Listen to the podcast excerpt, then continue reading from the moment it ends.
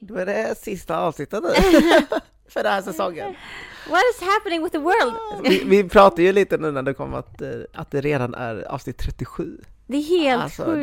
det, ja, och snart två års eh, poddande. Alltså det är typ en hel arbetsvecka av oss som sitter och pratar. Alltså en arbetsvecka är 40 timmar, vanlig Mm. arbetsvecka. Sant! Så att vi liksom- det, det är ändå en timme, minst en timme. så Exakt. Så att tänk att, eh, tänk, om om man tänker det så, ser du, tänker att, man, att vi sitter och tjatar en hel På arbetsvecka. fritiden också. Wow! Wow! Dedication! It only took two years. Might sound long.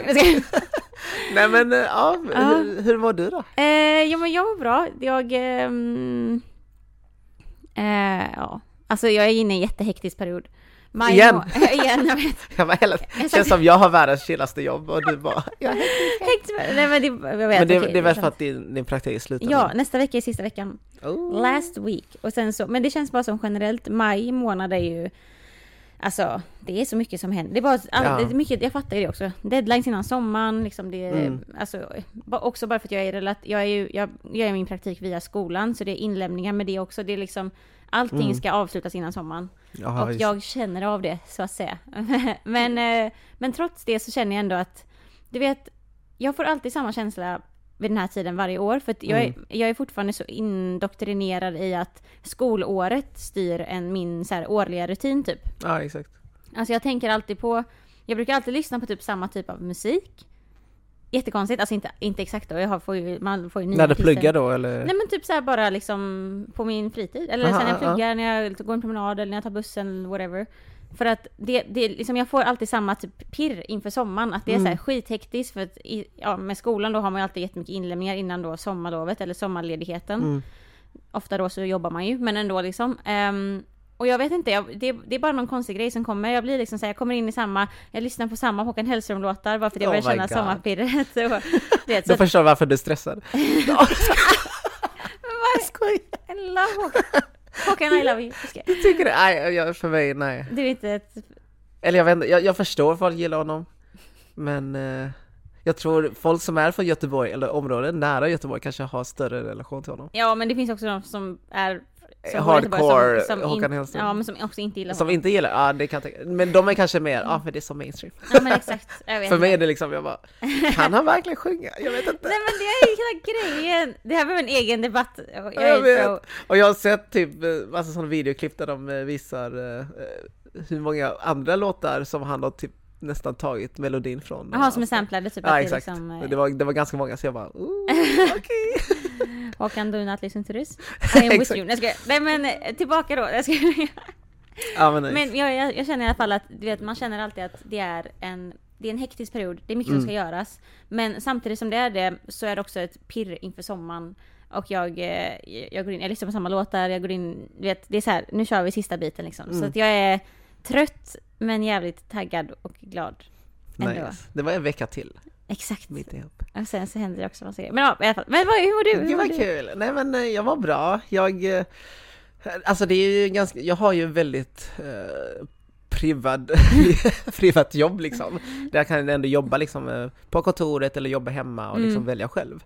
Men jag vill ge en shoutout till min nya kollega som, Ah. så vi klickar jättebra. Ah. För att man är i samma typ livsstadie liksom. Mm. För jag, jag vet inte hur det är för dig men typ när man jobbar och man eh, har kollegor som har familj och barn och sånt Ja. så visst man kan ha samma intressen som typ träning och spel och sånt men Ja, det blir inte på samma sätt Nej. tror jag. 100 procent. Just för att alltså de Oftast när man sitter liksom med- massa folk så pratar de alltid om barn. Mm. Ja, All, alltså det är alltid liksom, ah, vad du gjorde så här, vad du gjorde så här, idag Mm. gjorde så här. Eh, Och jag är inte alls intresserad av att lyssna på barn. Du bara tittar in, du bara tittar och zonar ut och börjar tänka på andra grejer. Bara, Nej men det, det är så jävla tråkigt, jag bara, ja men jag, jag bryr mig inte alls om barn eller husdjur typ. För det, det ger mig inget i mitt, alltså värde i mitt liv. Nej, det är ingenting du relaterar till ditt liv just nu Nej heller. exakt, det är just det. Eh, Så det, det tycker jag är skittråkigt. Så min nya kollega är liksom lite yngre än mig Mm. och hon bor också nära mig. Mm. Eh, Så vi promenerar ibland liksom vad hemifrån till, till jobbet och sen Ja. eh, lunchar vi tillsammans och Ja. sen eh, käkar vi och ja, men fikar och liksom gör det till en grej liksom. Och vi jag har ändå fått henne att träna där jag tränar. Så Ja, vi, är hon med i Nordic Wellness-chatten? Nej inte än, men än? jag kan bjuda in. Okej. Men vi gymmar finns en tillsammans och chatt, sånt ju. Så det, det är skitkul och det gör så mycket när man har liksom kollegor som man klickar med. Ja, Eh, det kan ändra arbet, alltså ja arbetet exakt, helt. alltså då, då blir det inte så mycket fokus på vad är det för arbete jag ska göra, vad är det Alltså Ja. då tänker jag mer på att eh, man, man kan då liksom njuta av jobbet på ett annat sätt. Mm. Eh, Alltså nu, när du säger det, på tal om det, jag vill också ge en shoutout. Och jag vill ge en shoutout till eh, vet du, min handledare som jag haft i praktiken. oh. Kristina Abdullahad. Alltså hon är, hon har varit min ja, men handledare liksom. Men Mm. hon är också i min ålder. Vi är liksom, eller hon är lite yngre till och med. Det är Mm. helt sjukt. Jag trodde att hon var, du vet, mycket äldre bara för att hon var så knowledgeable. Exakt. Eh, och hon är också 100% exakt det du sa nu, så relaterar jag Ja. med henne för vi har exakt samma, liksom, vi lever samma liv, vi har samma typ Ja. av engagemang. Och hon är så jävla kunnig. Alltså, wow, jag har lärt mig så mycket av henne och vi, vi kommer ju vara liksom friends forever. Ja men shoutout till Kristina. ja, och vad heter din kompis? Och shoutout till Klara. Okej. Men eh, vi eh, kör igång då. Jag Ja. tänkte vi bara hälsa alla som lyssnar till vårt sista avsnitt av säsong fyra. Ja. Så eh, varmt välkomna till eh, Tänkvattpodden med Daniela och Ina Dola Derera!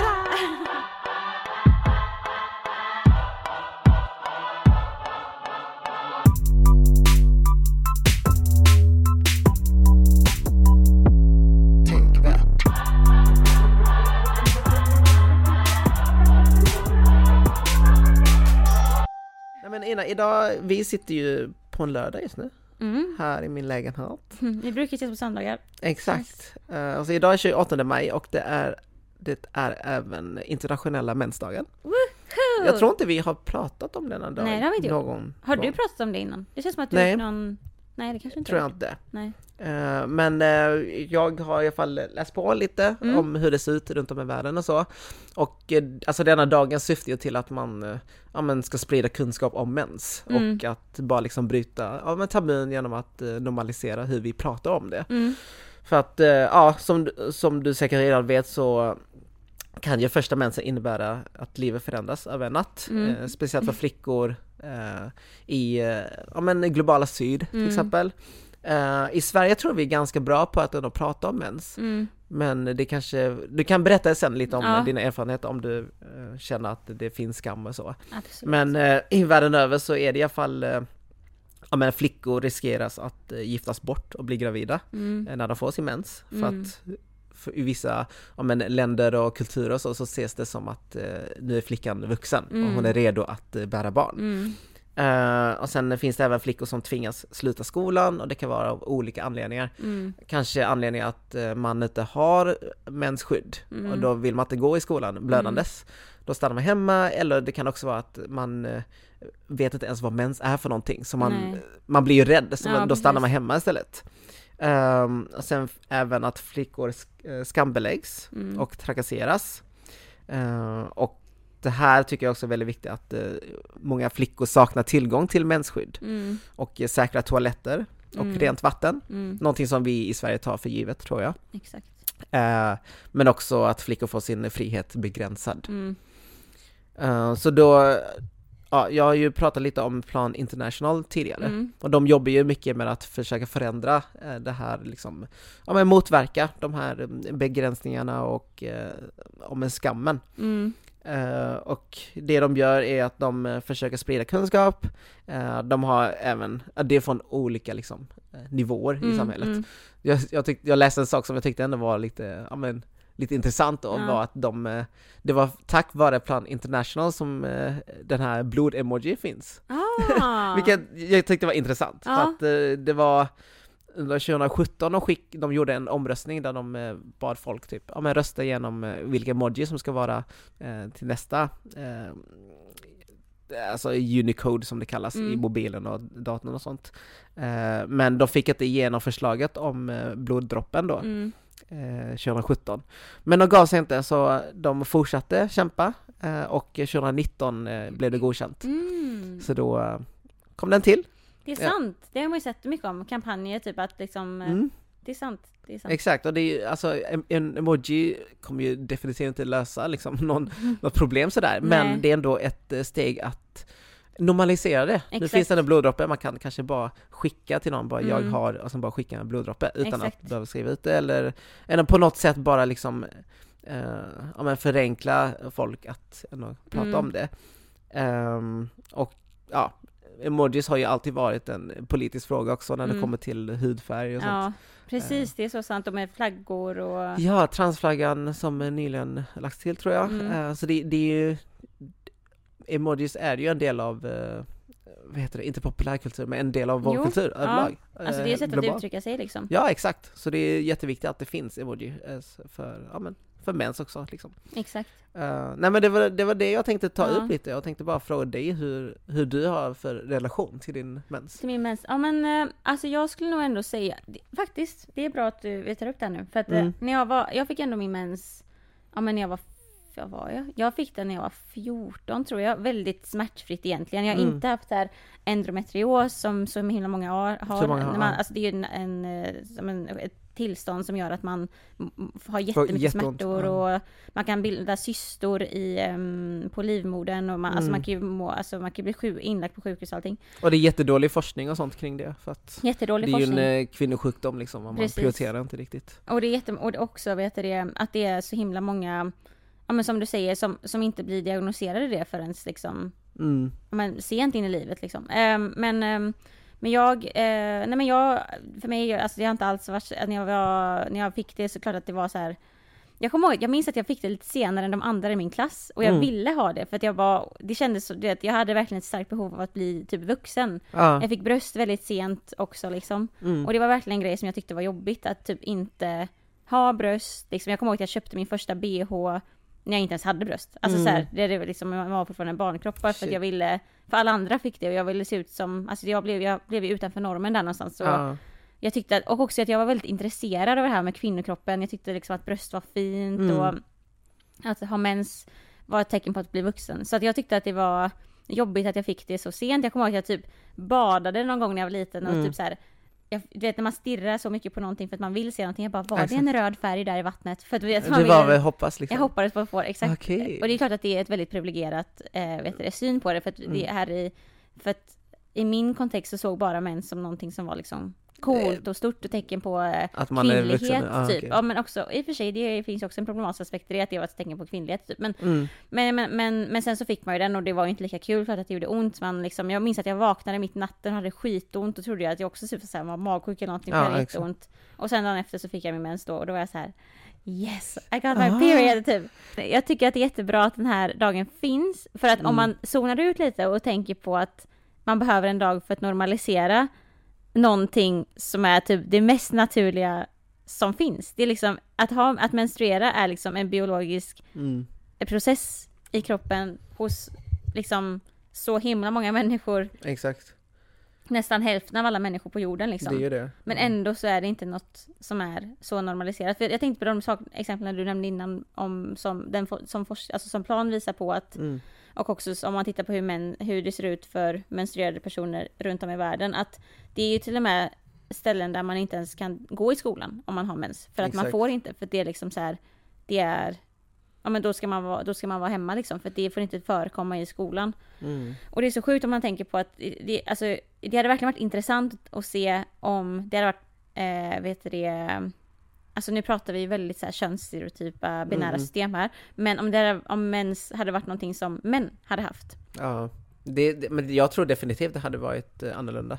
Alltså speciellt när vi lever i ett system där män har makten och i alla samhäll, samhällsskikter liksom. Mm, Eh, för jag tänker, det är ju en extra kostnad. mm, Alltså alla mensskydd och sånt, det, det kostar ju. exakt. Eh, det är extra dagar på, ja men jag kan tänka mig sjukskrivningar. Ja, Ehm, det är ju extra dagar på Ja men eh, det här med att ta p-piller och sånt, exakt. att Det man är också kostnad. Ja. det, det blir också en kostnad, eh, men också att det blir eh, Ja, att man mår annorlunda liksom, Mm. precis innan mensen kommer Mm. och allt det där måste också komma in i ekvationen. Mm. Så jag, jag tror definitivt, hade det varit en eh, fråga som gäller framförallt ja, men cismen då, Mm. då tror jag definitivt att det, det hade forskats mycket mer på och Mm. att vi hade haft annorlunda politiska system som baseras på eh, hur man kan hjälpa liksom män att eh, komma in i arbetslivet Mm. lättare liksom, eh, eller nå- på något sätt liksom underlätta ens vardag. Mm. Det tror jag definitivt.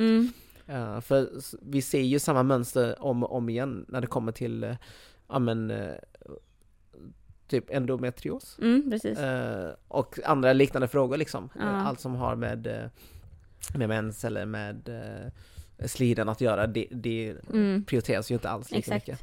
Eh, Men nu, nu kommer, nu, nu ska jag ställa en jäkligt filosofisk fråga som bara poppar upp i mitt Mm. huvud. Alltså är hela grunden från första början Mm. att kvinnor liksom är eh, liksom förtryckta i jämförelse med i relation till män då, alltså historiskt nu liksom. Mm. Just på grund av att, att liksom, när vi pratar om menstruerande Mm. personer och att man är den personen som föder ett barn.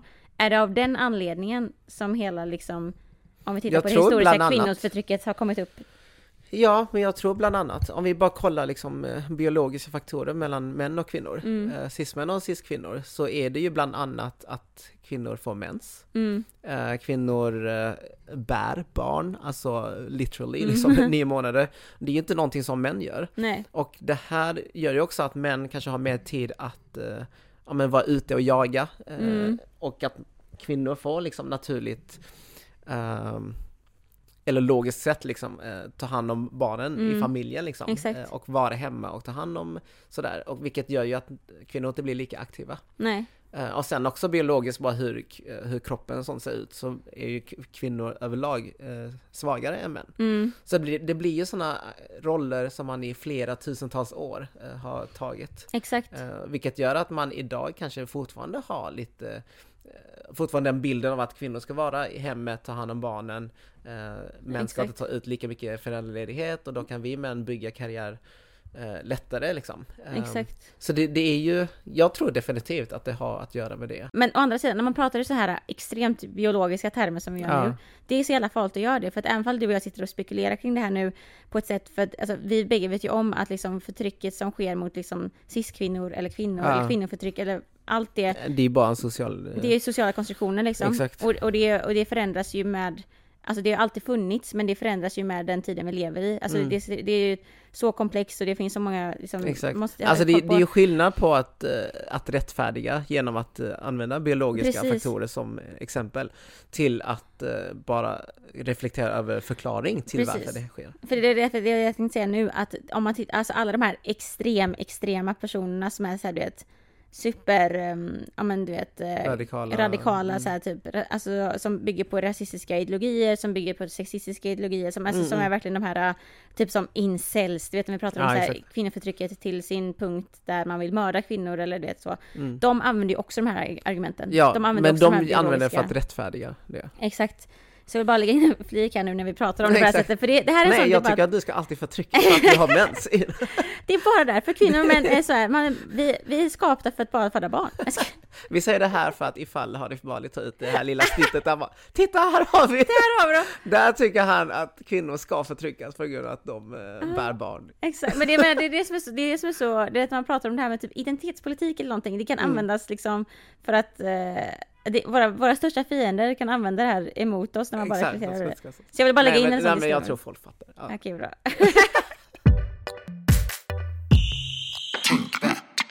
en snabb uppdatering på nyheten från förra veckan. Det var att eh, förra veckan pratade vi om att, eh, eller Förra förra, gången. gången, precis, Mm. förra gången pratade vi om att den här nya lags, Reformen. reformen som man skulle rösta om i Spanien, vilket var att eh, det var en reform som innehöll tre stora punkter, massa andra punkter också. Men ehm, det var dels att man vill införa tre dagars eh, ledighet för eh, starka menstruationssmärtor för menstruerande Mm. personer.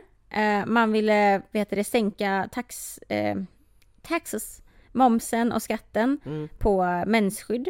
Ja. Och man ville införa, vet det, att det ska bli, att, för i Spanien just nu så, så om man är under 18 år så om man ska göra en abort så måste man ha samtycke från sina föräldrar. Men man vill sänka den åldersgränsen till 16 år i Spanien. Det, Okej. Och det var en reform som vi pratade Mm. om för två veckor sedan. Och då så skulle den, för att i Spanien har de lite liknande po- politi, politiska system som man har i USA. Mm. Det finns olika regioner, eh, så att man, Ah, det okej. finns så här konstitutionella lagar och liksom eh, nu kanske jag säger fel här, men det är i alla fall inte samma politiska system som vi har Okej. här i Sverige. Så det, det man skulle göra var att man skulle ha en omröstning om den här reformen. Det var då när vi pratade om den sist. Mm. Och den 17 maj, vilket var efteråt, eh, så röstades det ja. Så nu, man har röstat nu för att vi ska införa den här reformen. M- ehm, men nu måste man också ut, nu måste man bygga den, nu måste man bygga hur, man ska, hur ska man göra den här lagen och göra om den. Ja, planera. Precis. Ja, Så nu, går, nu är det i alla fall, nu finns det, nu finns det en, ett konsensus om att man ska börja jobba för det. Och det är Okej. ju en väldigt eh, är bra, positiv eller? utveckling och något som är värt att belysa på internationella mensdagen. Exakt. Som idag. Det är jättebra. Mm. Go good, Spain! Good Spain! Och en annan grej i Spanien också som jag fick höra är att Aha. vi har ju samtyckeslagen i Sverige. Ja. Vilket betyder att allt som inte är ett ja är ett nej när det Ja. kommer till liksom, sexualbrott. Mm. Eh, och den, den här lagen har ju influerat många andra länder. Och nu i Spanien så har också det kommit på tal. Så nu ska man försöka införa det även där. Oh. Och då vill jag ge en shout-out till eh, Make Equal och eh, Ida Östensson som jobbar med den här samtyckslagen Jaha, så mycket i, ja, precis, i eh, Sverige. Det måste ju vara Verkligen. extremt... Fan vad bra att fatta och hela gänget där. Exakt. Okej Danny, så i säsongsavslutningens ära Mhm. ehm, så satt vi och diskuterade liksom, okej men vad ska vi prata om idag? För vi brukar alltid prata om liksom, nyheterna som har varit eh, och ändå känt att okej men det har ändå varit mycket liksom, ehm, eller så har jag känt i alla fall att det har varit liksom, det är så mycket som händer i världen som är liksom jobbigt, negativt. Mm. Eh, och ehm, man liksom tradar sig igenom vissa ämnen. Och därför kände jag att okej men låt oss prata om någonting som också är jobbigt men som ändå har varit liksom kanske drivfaktorn för båda oss två att Ja. liksom starta vårt engagemang. Eh, så att nu har vi tänkt då att vi ska prata om en av grundpelarna till hela tänkvärt Ja! eh, heter det, syfte och existens. Exakt. Vilket då är boken Vart kommer du ifrån egentligen? yes! ja, det är som ni hör titeln till det här avsnittet också. Ehm, och det här, alltså den här boken var ju, ja men det var nästan hela anledningen till att Tänkvärt ska- skapades ens, Mm. från första början. Och det gick, går ju hela vägen tillbaka till 2015, och det är ju Jesus. sju år sedan nu. Det, alltså tänk på, skill- på skillnad på världen sen 2015 bara. Faktiskt. Ja, det är stor skillnad också på ja, men social medier och hela Ja. kulturen där. Eh, och det var ju, ja, det var ju bara jag som ville skapa en bok eh, där man kan ja, men låta folk läsa i lugn och ro om, eh, om frågor kring rasism. Mm. eh, hur det ser ut i Sverige. Utan att man står och pekar finger liksom bara, det du gör är fel, bli bättre människa Mm. typ. Mm. Utan bara låta folk läsa igenom de här berättelserna i lugn och ro Mm. och få samtidigt tips och trips, eh, tricks eh, på hur man kan vara en bättre antirasistisk allierad. Eh, samt liksom en ordlista på ja, men lite olika begrepp och så. Ehm, så det var, det var så den kom till. Eh, och uh, anledningen till att vi var ju flera personer som tog Mm. fram den här boken. Ehm, och anledningen till att vi tog just den här titeln var ju för att eh, vi vill skapa någon slags, ja men, eh, en tanke hos folk. Mm. För att jag tror många tänker att ja, men det är väl klart jag kan ställa den här frågan. Mm. Och det kan man ju. Alltså frågan i sig är ju inte alls rasistisk. Nej. Alltså det är ju bara en eh, fråga där man är nyfiken på Ja. var en människa kommer ifrån Exakt. egentligen. Eh, men det är just betoningen på egentligen som eh, vi vill eh, påvisa liksom. Ja. Att det är en del av, det är en hel del människor i Sverige som får den frågan Mm. och att det finns problematik kring just svaret man, eh, eh, man får liksom, eller Exakt. följdfrågorna som uppstår liksom. Mm. Eh, Så det, ja, det är så det ser ut i alla fall. Var kommer du ifrån egentligen? Alltså det är en fantastiskt fin bok också. Den är ju, vet du det, illustrationerna, va- eh, vad heter personen som har gjort illustrationerna? Eh, Det är tre olika personer. Det är tre personer, okej? Ja, så omslaget är av Hadil Mohammed. Mm. Eh, Man kan eh, se hennes design på Instagram Mm. som heter io understreck Design. designstudio. Mm. Hon gör jätte- jättefina bilder, Mm. illustrationer. Och sen är det även två andra personer som heter Ruhani Islam Mm. och Lisa Vodrim eh, Sjöblom. Ja. Och boken, du, du nämnde det förut, äh, vet du, du har skrivit den tillsammans med tre andra personer va? Ja, det är Anna Matijevic mm. och Kelly Tran samt Denisha Sharma. Så det är kul. vi som har liksom, ja, men, tagit fram boken tillsammans med eh, Lilla Piratförlaget då. De som är, har släppt boken. Ja, och, eh, och jag tänkte bara, bara, snabbt här, jag vet att vi har pratat om det tidigare, men det kan ju vara någon, någon som inte har fått med sig det än. Hur var det boken, alltså vad, vad är det för bok? Vad är, vad är innehållet och hur, eh, hur skapade ni den?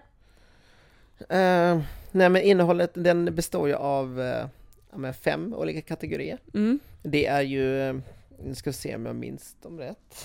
Men det, det, är liksom på jobbet, i skolan, uh, offentliga rummet, nära relationer och mellanförskap. Mm. Och det är kategorier som vi upptäckte var väldigt vanligt förekommande mm. när vi kollade igenom alla berättelser vi fick, fick, in. Ja, för att boken är baserad på berättelser. Precis, från uh, människor runt om i Sverige. Så det är ju en, en antologi tror jag det kallas.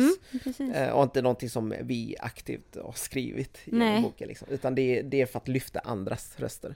Mm. Men den här frågan, vart kommer du ifrån egentligen? Alltså jag, jag minns att när jag läste den första gången tänkte jag bara, shit vad bra. För det här är ju en fråga som mm. liksom direkt när man läser den, jag som rasifierad person känner ju igenkänningsfaktorn 200 procent. Alltså mm. den här frågan är ju en fråga som man har fått höra hela livet liksom. Ja, exakt. Som har en fråga som har liksom, ofta har definierat alla mina, när jag träffar nya människor, um, när, jag ska när jag ska förklara vem jag är för första gången, du vet, i må många första möten, mm. där man liksom presenterar sig själv liksom. Ja, men om folk tänker typ, ja men tänk folk som inte får den här frågan och tänker, ja men vadå, det är väl inte så farligt att få den frågan. Mm. Vad, vad svarar du då till dem? Alltså jag tycker fortfarande än idag, mm. trots att vi har jobbat med podden i två år, att jag har pluggat de här grejerna, att man mm. har liksom varit någon form av folkbildare i frågan, så tycker jag fortfarande att det är ganska svårt att förklara varför den här frågan ja. kan kännas så konstigt, för att det beror helt på vem det är som frågar, Kontexten liksom. Kontexten och, vem, och också så här, vem det är som undrar varför den här frågan är svår att ställa. För vissa, vissa fattar direkt när man förklarar ja. varför den kan vara liksom skadefull. Vissa är fort, kan, jag känner, kan fortfarande lämna samtidigt mm. vara så här, jag förstår inte riktigt. Men jag tror att, för mig i alla fall, det som jag tänker är um, det mest liksom den största påverkan den här frågan har, det är ändå på något sätt liksom att man um, när jag säger liksom, om någon frågar mig först, vart kommer du ifrån? Och jag mm. säger Sverige. Och jag får följdfrågor typ som egentligen, egentligen ja. eller som typ mm, men, eller liksom, eller en blick eller sådär. Exakt. Alltså det handlar ju, det är liksom en, en konstant påminnelse om ja. att jag inte hör hemma, här. hör hemma här. Eller också att jag inte själv kan definiera min svenskhet. Mm. Att det inte är jag som dikterar det. Sen så även fall intentionen ofta alltid är god från personen mm. som frågar, det är om nyfikenhet liksom. Och att eh, så, så, tycker jag, så, så, så, tycker jag ändå att den ofta har chans att landa så himla fel. För att mm. de personerna som blir frågade detta, antagligen så är det inte första gången de blir frågade den här frågan. Antagligen har de fått fråga, svara på den här frågan så många gånger i hela sitt Exakt. liv. Och det kan ha kulminerat till alltså, en effekt av att inte känna sig svensk så många gånger. Så även om mm. frågan i sig kommer i ett väldigt så här, fint sammanhang, kontexten är jättekärleksfull, personen kanske genuint är jätteintresserad av dig, så, så, så, så är det så svårt att känna att den här frågan bara är utifrån det goda stället när det istället känns som en påminnelse av att Ja, mm. det räcker inte att säga att jag är från Sverige. Liksom. Ja, men jag, tr jag, tror det handlar mycket om att eh, vi som är liksom andra generationens invandrare mm. eller så, att vi, vi har länge liksom känt någon slags eh, ja, men utanförskap, mm. eller mellanförskap också, att mellan två olika kulturer som man inte riktigt känner sig hemma någonstans. Nej. Men också att man känner någon slags nu talar jag bara från mitt eget ja. perspektiv då, alltså något självhat. Eh, sen barnsben då kanske att man eh, har blivit utsatt för rasism liksom. Mm. Och att man känner bara att fan vad jag önskar att jag var svensk. Mm. Och när man får frågan liksom, ja men eh, var, var kommer du ifrån? Och man säger liksom, men, ja men jag är från Sverige. Mm. Så, så försöker man då på, i det svaret hinta lite om att men jag är svensk, precis som du, eller som, precis mm. som alla andra. Liksom.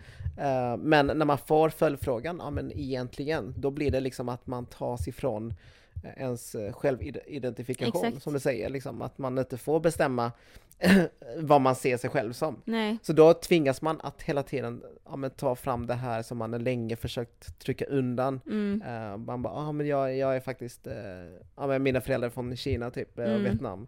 Eh, att man, på något, även där, att man försöker eh, fokusera på, ja men det är mina föräldrar som är därifrån, Ja, inte precis. jag. Inte jag, nej, Exakt, precis. så det, är- jag tror det handlar mycket om eh, just eh, att man har blivit utsatt för rasism tidigare. Mm. För den personen som frågar behöver inte alls mena något illa, den är Nej, bara precis. nyfiken liksom. Men bara så att folk förstår att det här blir en väldigt personlig fråga för en. Just Exakt. för att det är, det är så mycket känslor kring eh, ja men just frågan och eh, ens identitet, identitet liksom. Det, det, där sa du det väldigt bra. Det blir en väldigt personlig fråga Mm. direkt, för det blir kopplat så starkt till ens erfarenheter, till liksom kanske trauman, Mm. till jobbiga känslor som man kanske inte alltid känner att man kan dölja. Utan det är någonting som ofta liksom, man tvingas att bära en stor del av sin, sin egen berättelse Mm. på sin hud liksom på något sätt. Exakt. Jag, jag kan eh, faktiskt läsa upp, eh, jag har tagit fram, fram, fram fem punkter som jag tänkte på Mm. När, jag, när man ställer den här frågan. Eh, och vi har redan Ja. nuddat det här med självdefinition. Mm. Det är nummer ett. Att liksom mottagaren ej får definiera själv vilken kultur den identifierar sig Mm. med. Eh, och eh, att då tvinga fram ett svar genom att fråga, ja, men, var kom du ifrån egentligen? Utan Mm. att nöja sig med Sverige. Det blir ju problematiskt för att det är den som ställer frågan som styr konversationen och Mm. har liksom den makten, om man säger så. Eh, och sen eh, blir det också problematiskt när folk kanske är adopterad. Mm. Det enda skillnaden är ens utseende. Mm. Så då blir det också väldigt eh, problematiskt då att, Mm. fort, att, ställ, att inte nöja sig med att någon säger Sverige. Mm. Så det, det är nummer ett.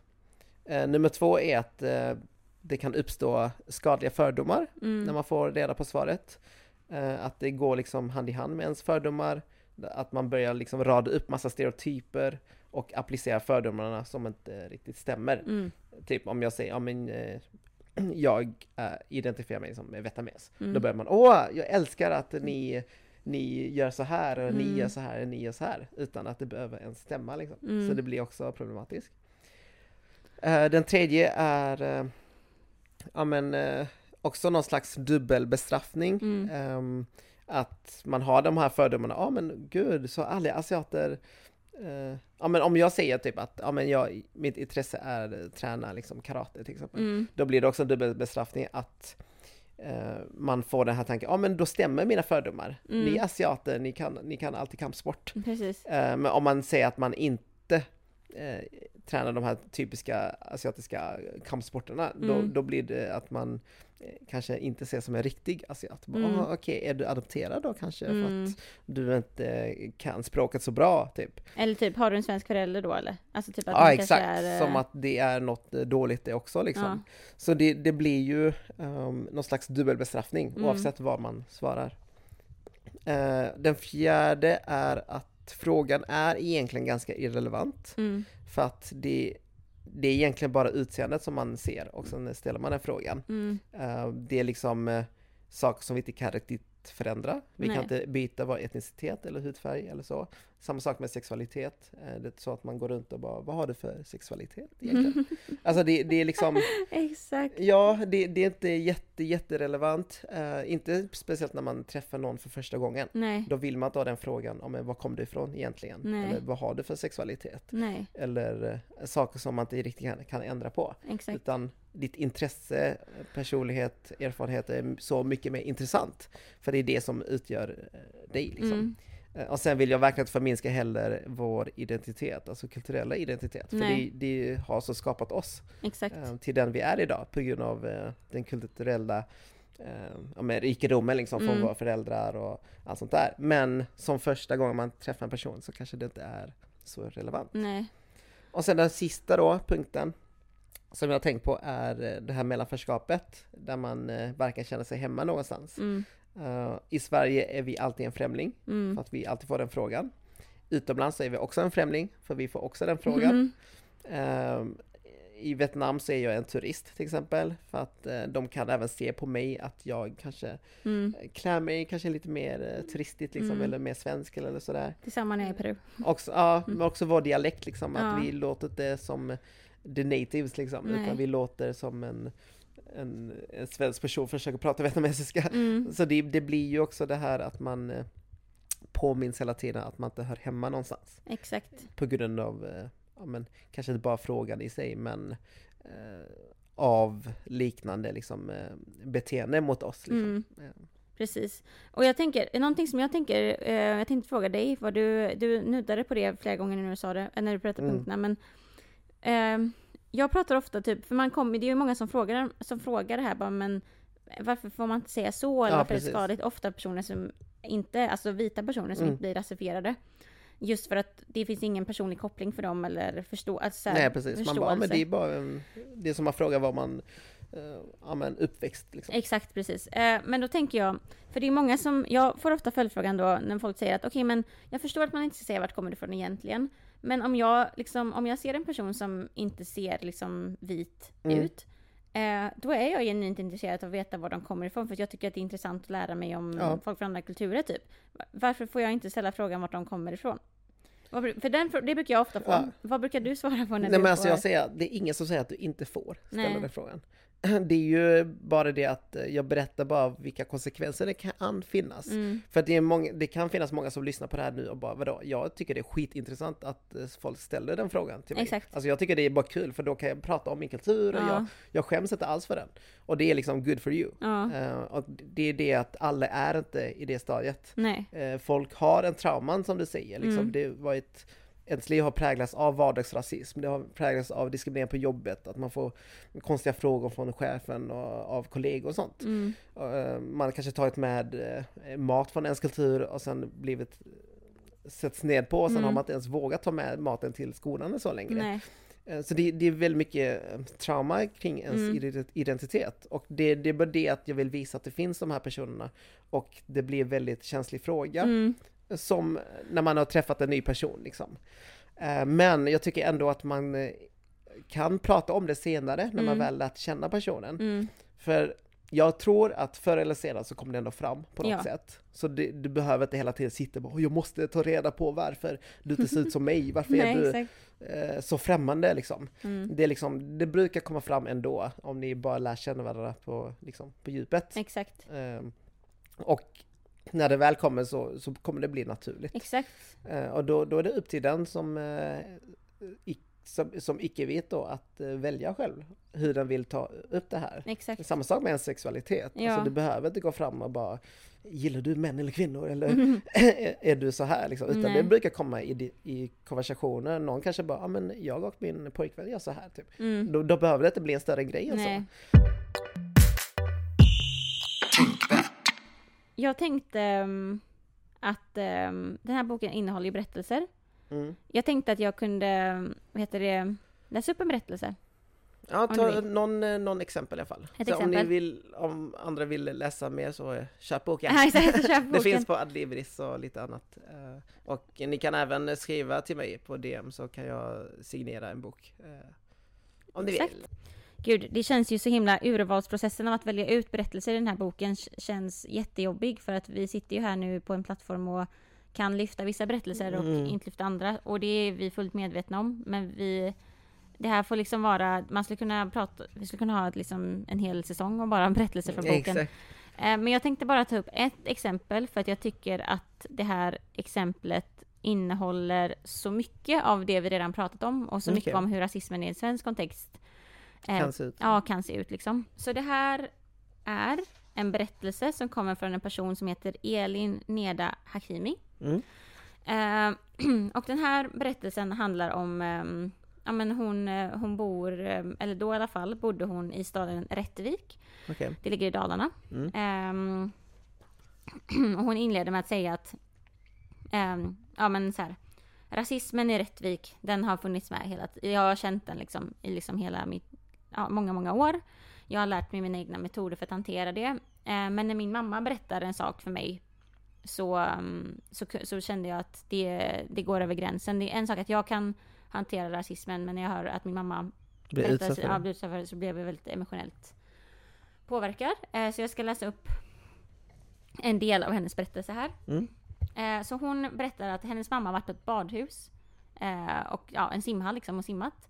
Eh, och hade en, eh, ett, ja, det hände en grej när hon var i omklädningsrummet för att gå in och bada. Mm. Och det är därifrån vi berätt, jag kommer läsa nu. Ehm, min mamma blev utsatt för riktigt förnedrande rasism idag när hon var i simhallen. I omklädningsrummet var det bara hon, en annan mamma och hennes lilla son. Mamma skulle på to- mamman skulle på toa och när hennes son frågade om han kunde följa med viskade hon hörbart. Nej, jag har min plånbok framme och det är en invandrare här. Hon kan sno den, så stanna här ute så kommer jag snart. När mamma, mamman och sonen skulle ut och simma sa sonen Mamma, ska vi inte låsa in plånboken också så att invandraren inte kan ta den? Varpå mamman svarar helt lugnt Ja, det är klart. Min mamma kom hem extremt eh, kränkt och sårad och berättade detta för mig. Berättade att hon inte orkade säga ifrån, att det ändå inte spelade någon roll. De kommer alltid se mig som en invandrare och en tjuv, oavsett hur bra medborgare jag är. De kommer inte se mig för den jag är. Någon som aldrig tagit bidrag, jobbat från dag ett, gjort mitt bästa och yttersta att interagera med mig. Att uppfostra dig och din bror, pusha er i skolan så att ni ska få den bästa möjliga utbildningen bara för att ni ska kunna ge tillbaka till samhället. Jag har bott här i 24 år och jag kommer aldrig vara mer än en jävla invandrare oavsett vad jag gör, berättar för mamma för mig. Ehm, och sen fortsätter berättelsen. Mm. Och jag tänker att den här berättelsen är ju den innehåller så många lager Mm. av hur rasismen i Sverige idag ter sig och fortsätter fungera liksom. Och jag tänker att mycket av det har, har här att göra med att Alltså det, det som är så här, om man ska säga att det finns någonting positivt och negativt med rasism Ja. så skulle jag nog komprimera det till två saker. Det negativa är ehm, att det är någonting som är eh, som hela tiden socialt konstrueras och reproduceras i vår samtid.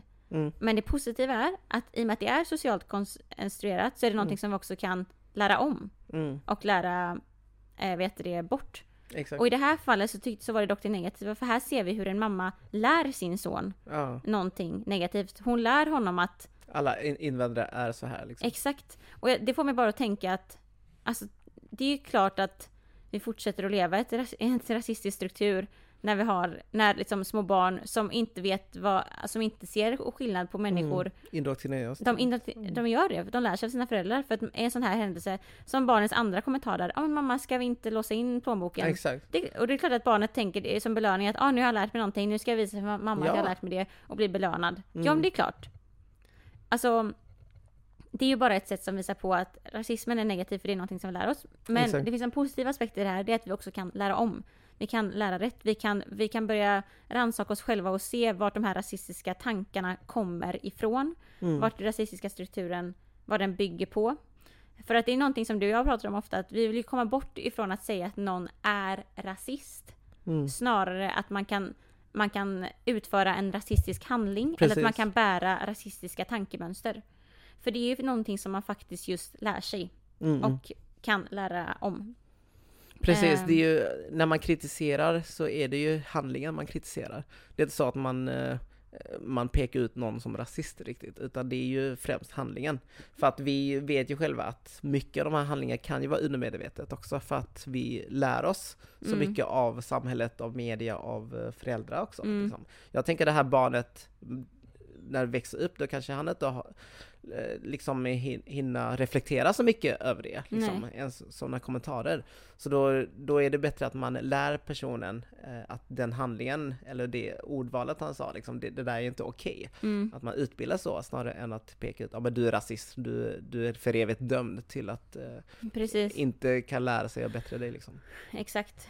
Um, och någonting som också, vet du det, som, som nämns i boken i samband med detta, för boken är Mm. uppdelad så att det är berättelser och så kommer det lite faktarutor. Ja, Och eh, en, en faktaruta som kommer precis efter den här berättelsen är just om mikroaggressioner. ja precis. Och um, hur, mikroaggressioner det är ju liksom små um, stöt, Pikar eller ja. mm, stötvisa eh, kommentarer, blickar eh, gester som kan vet du, det, vara skadefulla, men som kommer liksom, det är därför vi kallar det mikroaggressioner, för det Mm. skapar aggressioner i mikroformat.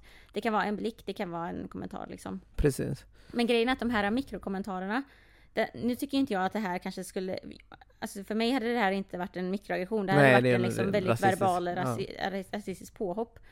En antagelse av mig själv som kriminell bara för att jag är en invandrare. Ja. Ehm, men om vi ska veta det, men det här med mikroaggressioner, det är väldigt intressant för att det, mikroaggressioner kan ju leda till någonting som kallas minoritetsstress Mm. som också är ett begrepp. Och minoritetsstress syftar ju på eh, den psykologiska eh, stressen som minoritetsgrupper känner när man, ut, när man, liksom, när man är utanför normen. Och det här Mm. kan, det inte, appliceras inte bara på Rasifierade. rasifierade personer, det kan vara liksom sexuell läggning, Mm. det kan vara om du är liksom funktionsvarierad, allting som gör att du är utanför normen. Mm. Eh, Men när det kommer till, om vi ska applicera det här med rasism, så de här mikroaggressionerna kan leda till den här minoritetsstressen. Och det finns faktiskt en studie i USA som har gjorts på svarta kvinnor inom hur de blir mötta inom hälsovården. Mm. Eh, som visar på att man, man blir utsatta för så liksom eh, diskriminerande bemötande, att man inte blir liksom tagen på samma sätt som en vit person. Som, har, som skapar eh, minoritetsstress då i en. Som faktiskt gör, som visar på att, för vi vet ju om att stress generellt kan ju, är ju en psykologisk effekt, men det kan Mm. ha fysiska effekter på kroppen. Du kan få fysiska men av stress. Och den här forskningen visar på att den här minoritetsstressen Mm. faktiskt har fysiska eh, resultat på de här kvinnorna. Vilket gör att kroppen förtvinas, den fört- eller förtvinnas av stressen. Och man kallar det weathering. Och det, Okej. och det resulterar i att, vet det, ehm, att personen dör i förtid. Shit. Så det är en väldigt lång koppling, men det är ändå en koppling som visar på att minoritetsstress på grund av att vara en svart kvinna i USA kan göra att du dör i förtid. Förtid, ja. Så det är Vilket är ju ganska logiskt om man bara tänker på hur, alltså, hur traumatiskt och allt sånt där liksom kan skapa liksom en eh, konstant kronisk sjukdom liksom. En, en eh, ständig påfrestande stress och allt sånt där. Eh, vilket vi också liksom kan ha känt när vi var yngre eller fortfarande än idag liksom att det är vissa saker som vi, bara den frågan, var kom det ifrån egentligen? Alltså den är så laddad på grund av det vi varit med om tidigare. Exakt, precis. Så det är jag kan ju förstå att det kan leda till liksom Hela de den här- vägen. Ja, Och, och, det, och varför jag sa detta är bara för att jag tycker att det här är en sån, det, här, alltså det som hände i badhuset här, mm, det skulle lätt kunna utgöra den här minoritetsstressen. Det märker man också i hennes egna uttalanden när hon eh, ja, berättar för sin syster, att, eller för sin dotter att det liksom, det här, hon orkar inte ens säga ifrån, det här spelar inte någon roll, men att gå runt och liksom hela tiden, tiden acceptera på något sätt att man blir antagen som en invandrare, Mm, kriminell.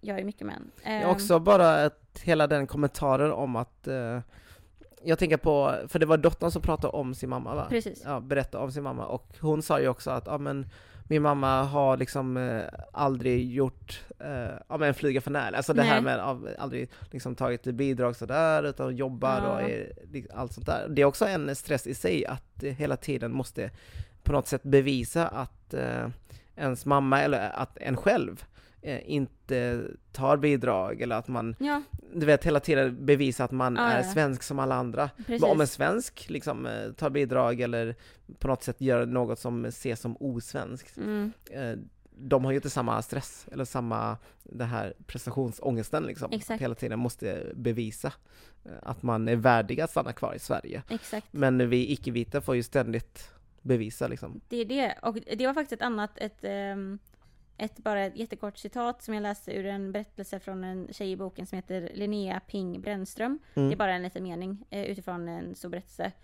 Och hon sa det, jag tyckte hon sa det så himla bra. Eh, vi pratar om de här typerna av förteelserna som vi pratar om nu. Och då sa hon att typ allt detta är en påminnelse om att jag aldrig kan ta min svenskhet för givet. Mm. Och det tycker jag också är väldigt sägande liksom. Att man kan inte ta sin, jag kan, Nej. alltså den här frågan, vad kommer det ifrån egentligen, gör att man inte kan ta sin svenskhet för givet. Nej. Inte när man blir ifrågasatt den här frågan. Och det är ju egentligen någonting som ehm, för en person som inte är rasifierad kanske inte, det kanske inte spelar någon roll att man måste bevisa sin nationalitet. Men det är just för att man aldrig har behövt- behövt bevisa sin nationalitet. Mm. Och ofta om man har gjort det så är det i positiva sammanhang om man typ reser utomlands och man blir belönad för att man har så fint blont hår eller så fin vit hy. Ja, precis. Ehm, så att jag tycker att den berättelsen var den säger väldigt mycket. Talande. Ja. Den är väldigt talande om hur klimatet är för restriktioner. Precis, för det är en kombination av vardagsrasism. Det där var ju, eh, ja men det var en peak liksom under vardagen. Ja. Men det var också mycket eh, tankar kring liksom det mer strukturella tänker jag. Och hur rasism hur- fortsätter att hur- verka liksom. Ja, hur det påverkar en. eh, Ehm, och jag tänker att, vet du det, en, en annan em, sak som, em, när det kommer till då, om man vill mot, alltså säga att man skulle höra en sån här kommentar, mm. så är det ju väldigt viktigt att man säger ifrån. Det, Som allierad som tänker du? allierad, precis som en bra allierad, Mm. så vill man ju säga För ifrån. den utsatte, den har ju inga skyldigheter. Precis. Den, den ska ju inte behöva, alltså mamman där ska ju inte bara, du måste säga ifrån liksom. Exakt. Men när det kommer till att vara en bra allierad då och att säga ifrån i de här sammanhangen så finns det även här forskning som visar på att det spelar faktiskt roll vem som säger ifrån i ett Mm. sånt här sammanhang. Så ett litet tips, eller så här, för att ta med för ni som lyssnar, om ni, om ni själva är i en kontext där, där ni inte är den, tillhör den gruppen som blir utsatta, om ni Mm. exempelvis är en vit person, när en rasifierad person blir utsatt för en, en rasistisk handling eller ett, Mm. ett, eh, ett ord, ehm, så visar faktiskt forskning på att det har större vet du, effekt att bemöta dem, alltså hos personen som utför den här handlingen, så har, ger det större effekt om den personen som säger ifrån inte tillhör eh, gruppen som eh, blir utsatt. Så är du en vit person som bevittnar en eh, rasistisk handling mot en rasifierad person Mm. så har det faktiskt större påverkan om det är du som säger ifrån som vit än om det är en annan rasifierad person som Precis. säger ifrån. Och detta är byggt på en, social, en socialpsykologisk forskning från Mm. ett, eh, ett universitet i USA. Så Det är ju det är också jättelogiskt. Jag tänker på samma sak eh, kan appliceras till andra män till exempel. mm, Alltså är det en man som eh, uttrycker sig sexistisk så kommer han lyssna mer på en annan man som säger ifrån än en annan kvinna som säger ifrån. mm, För då blir det liksom, man bara, ja men eh, vad, vad vet du liksom? Alltså till eh, andra kvinnor. mm, Ehm, att man liksom på något sätt rättfärdigar det liksom. För Mm. att eh, man vägrar lyssna på dem. Mm. som, för har man sexistiska tankar då, då tänker man ju så mot alla andra kvinnor också. tänker jag. Men eh, gud, det här, var, det här kändes som att det här bara var en liten, liksom, eh, det här var bara en liten lilltå i ett, ett stort hav eh, när vi liksom gjorde det här lilla neddroppet i boken. Mm.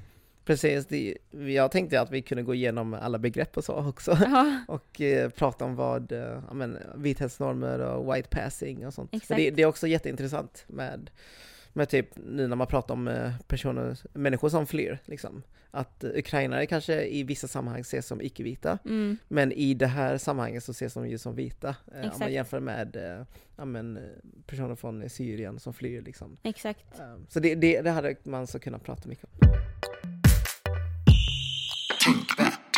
Okej, det var den säsongen. Ja, gud Annie, det är helt sjukt. Har vi något positivt vi kan eh, ta med? Jag vet en positiv nyhet i världen. Okej. Och det berör någonting som vi har pratat om tidigare. Vi har Mm. pratat om, detta var kanske typ säsong tre, två, ett tag sedan i alla fall. Mm. Vi pratade om det här med att, eh, vi pratade med en kille som driver kontot Regnbågsblod. Ja, precis. Om att, eh, Tobias Ström. precis. Mm. Och det handlar ju om att, eh, vet du det, mm, det här med att ge blod, det är någonting som vi ofta behöver göra i Sverige. Det kommer ju ofta meddelanden från olika kommuner som är såhär bara, nu har vi blodbrist, nu behöver vi donera blod för Ja. sjukvården. Eh, och det är ju så ojämställt när det kommer till vilken sexuell läggning du har, för det ställs Mm. ju mycket högre krav på eh, en person, Homosexuella.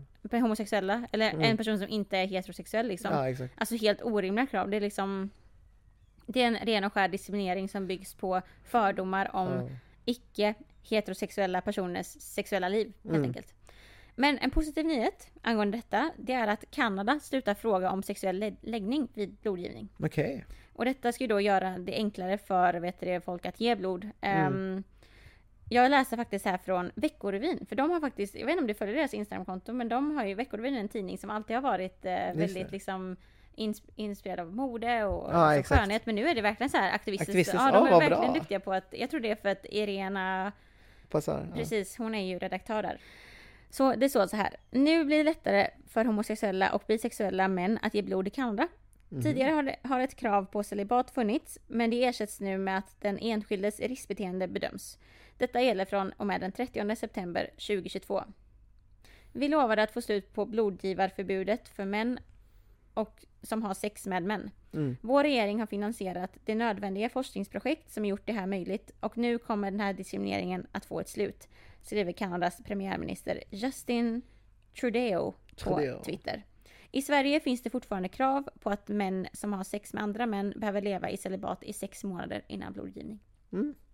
Så det Ja, men det- det ju som po- positivt. Men i Kanada så är det, så är det Exakt, och det är det vi borde applicera i Sverige också för att det handlar ju om eh, sexuella aktiviteten snarare än eh, läggning. Alltså Exakt. att vara homosexuell behöver inte betyda att man ligger runt med alla män liksom. Nej. Alltså det, det har ju det är inte synonymer. Så det är, det är definitivt, jag tycker verkligen det är helt irrelevant att eh, fråga efter sexualitet. Ja, det, Utan det är snarare aktiviteten och frekvensen av Mm. eh, sex och vilka man har sex med och sånt som kanske är mer intressant. precis. Eh, När Att det, det- handlar om att ge blod. För att ger man blod så då är det viktigt att hi- hitta blod som eh, är friskt. Ja. Och då finns det ju regler kring det. Men då ska Exakt. det vara lika för alla.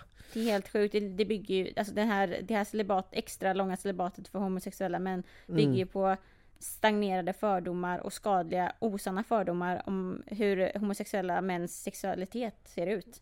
Ja, Och det är precis. helt sjukt. Ehm, så att, yay Kanada! Yay Canada! Vi, Okej, vi vill tacka alla som har följt oss. eh, Ja. Alltså, eh, ja, hela säsongen men också de som har följt sedan första avsnittet. Alltså det är så sjukt! det är helt sjukt! Det är tvåårsjubileum nu Ja, ju! så får vi höras igen då efter sommaren. Ja, gud ja. Och verkligen så. Vi kommer fortfarande vara engagerade under sommaren. Ja. Skriv till oss. Vi Oh my god, vi ses i höst hörni! Ja, det gör vi! Wow! Säsong fem då, Season 5, då Season five. jäklar. Det kommer vara sån trippel level up. eller hur? Eller? Och shoutout till de här, till... Ja! Alltså, och också, vi har fått puffskydd eh, av mina bästa kompisar. Ja. Pressa Sadie, eh, Erik Bo, Alexandra Jovic, Niat eh, Fredriksson Kubrev, Isabella Augustinsson, Emily ska... Ni vet vilka ni är. You know Tack för de här puffarna till vår poddmickar. Den tar in mindre ljud från omvärlden. Så. Det gör det. Fan. Tack som fan så hörs vi igen. Bye. Bye. bye.